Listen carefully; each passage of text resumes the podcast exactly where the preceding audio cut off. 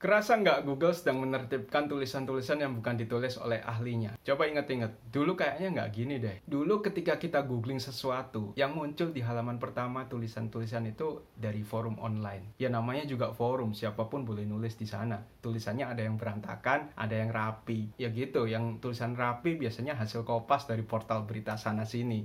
Nah sekarang Google udah nggak naruh konten-konten dari forum semacam itu di halaman hasil pencariannya. Dulu juga Google sering memunculkan artikel-artikel blog yang bahasanya nggak kalah kacaunya. Kelihatan banget kok niatnya memang bikin artikel buat dibaca oleh mesin crawler Google, bukan buat dibaca oleh manusia. Tata bahasanya keriting, amburadul, ya gitulah akibatnya kalau penulisnya cuma ngejar keywords. Tapi herannya, tulisan-tulisan ngeselin kayak gitu bisa nongol di halaman pertama hasil pencarian. Dulu sih, sekarang udah jarang. Mungkin kena indikator EAT. Apa itu EAT?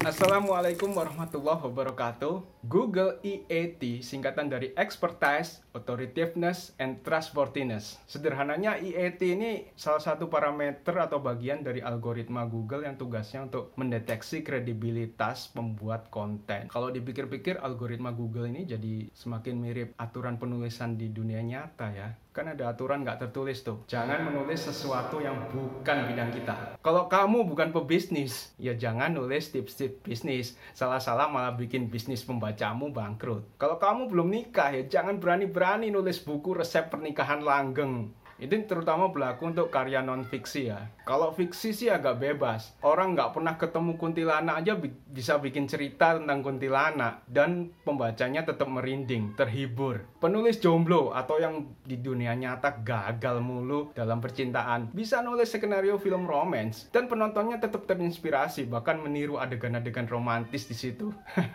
kepengen gagal juga. Oh ya, nulis lagu juga bebas, asal melodinya enak didengerin di kuping, video klipnya menyentuh, fansnya pasti bakal kelepek-kelepek tuh. So sweet, kok bisa-bisanya bikin lagu seromantis itu? Belum tahu dia. Di kemudian hari penulis atau vokalis lagu romantis So Sweet itu digugat cerai oleh istrinya.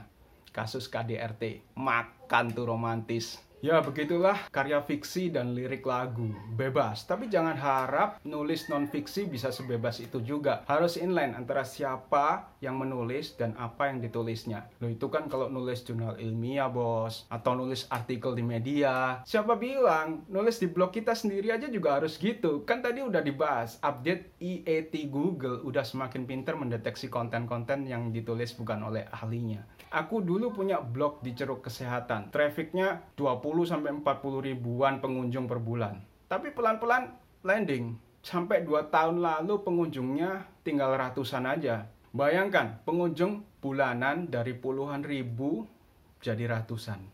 Ya wis lah, akhirnya nggak ku perpanjang domain hostingnya. Buang-buang waktu aja. Toh tema kesehatan juga bukan passionku. Dan karena sejak awal aku tahu sumber traffic utama dari blog itu adalah Google, maka sudah pasti penurunan itu karena perubahan algoritma Google, khususnya di masalah expertise, authoritativeness, trustworthiness, atau EAT tadi.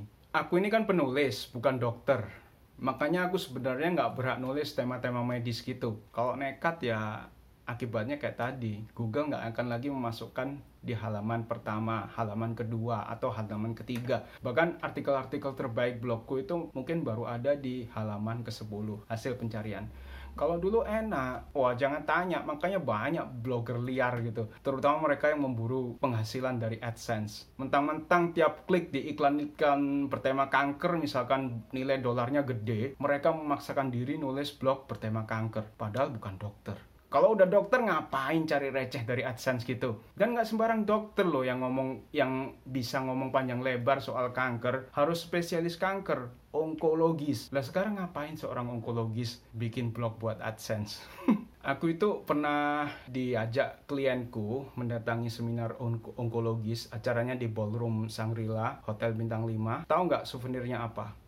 iPad Aku lihat sendiri ada tumpukan kardus dikresekin di bawah meja resepsionisnya. Itu ternyata iPad. Dibagi-bagikan sebagai souvenir. Tiap peserta dapat satu. kesenjangan ekonomi itu emang nyata ya.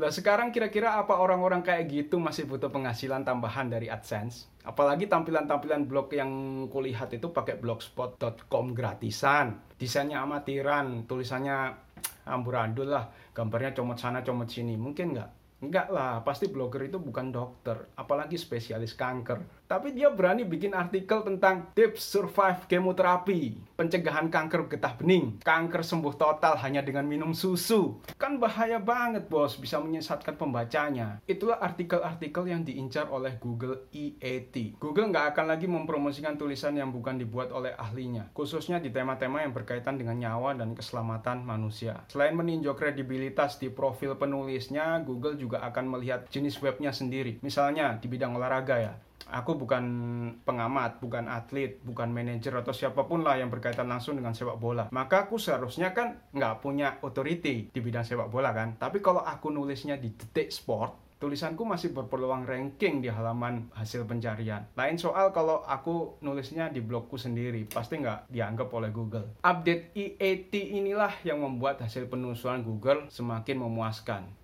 ya penggunanya sih puas, penulis kontennya yang lemas. Karena kita ingin menulis bebas di blog kita kan, mau nulis politik, bisnis kilang minyak, galaksi-galaksi di semesta, pembangkit listrik tenaga nuklir, dan macam-macam lainnya. Masa nggak boleh blog sendiri? Ya boleh-boleh aja, tapi kalau tema itu bukan keahlian kita, pilihannya ada dua. Opsi pertama, jangan menggantungkan diri pada Google untuk sumber traffic. Terus pembacanya datang dari mana? Ya mana aja set engine selain Google misalnya atau lewat woro-woro di medsos, email, WA atau lainnya.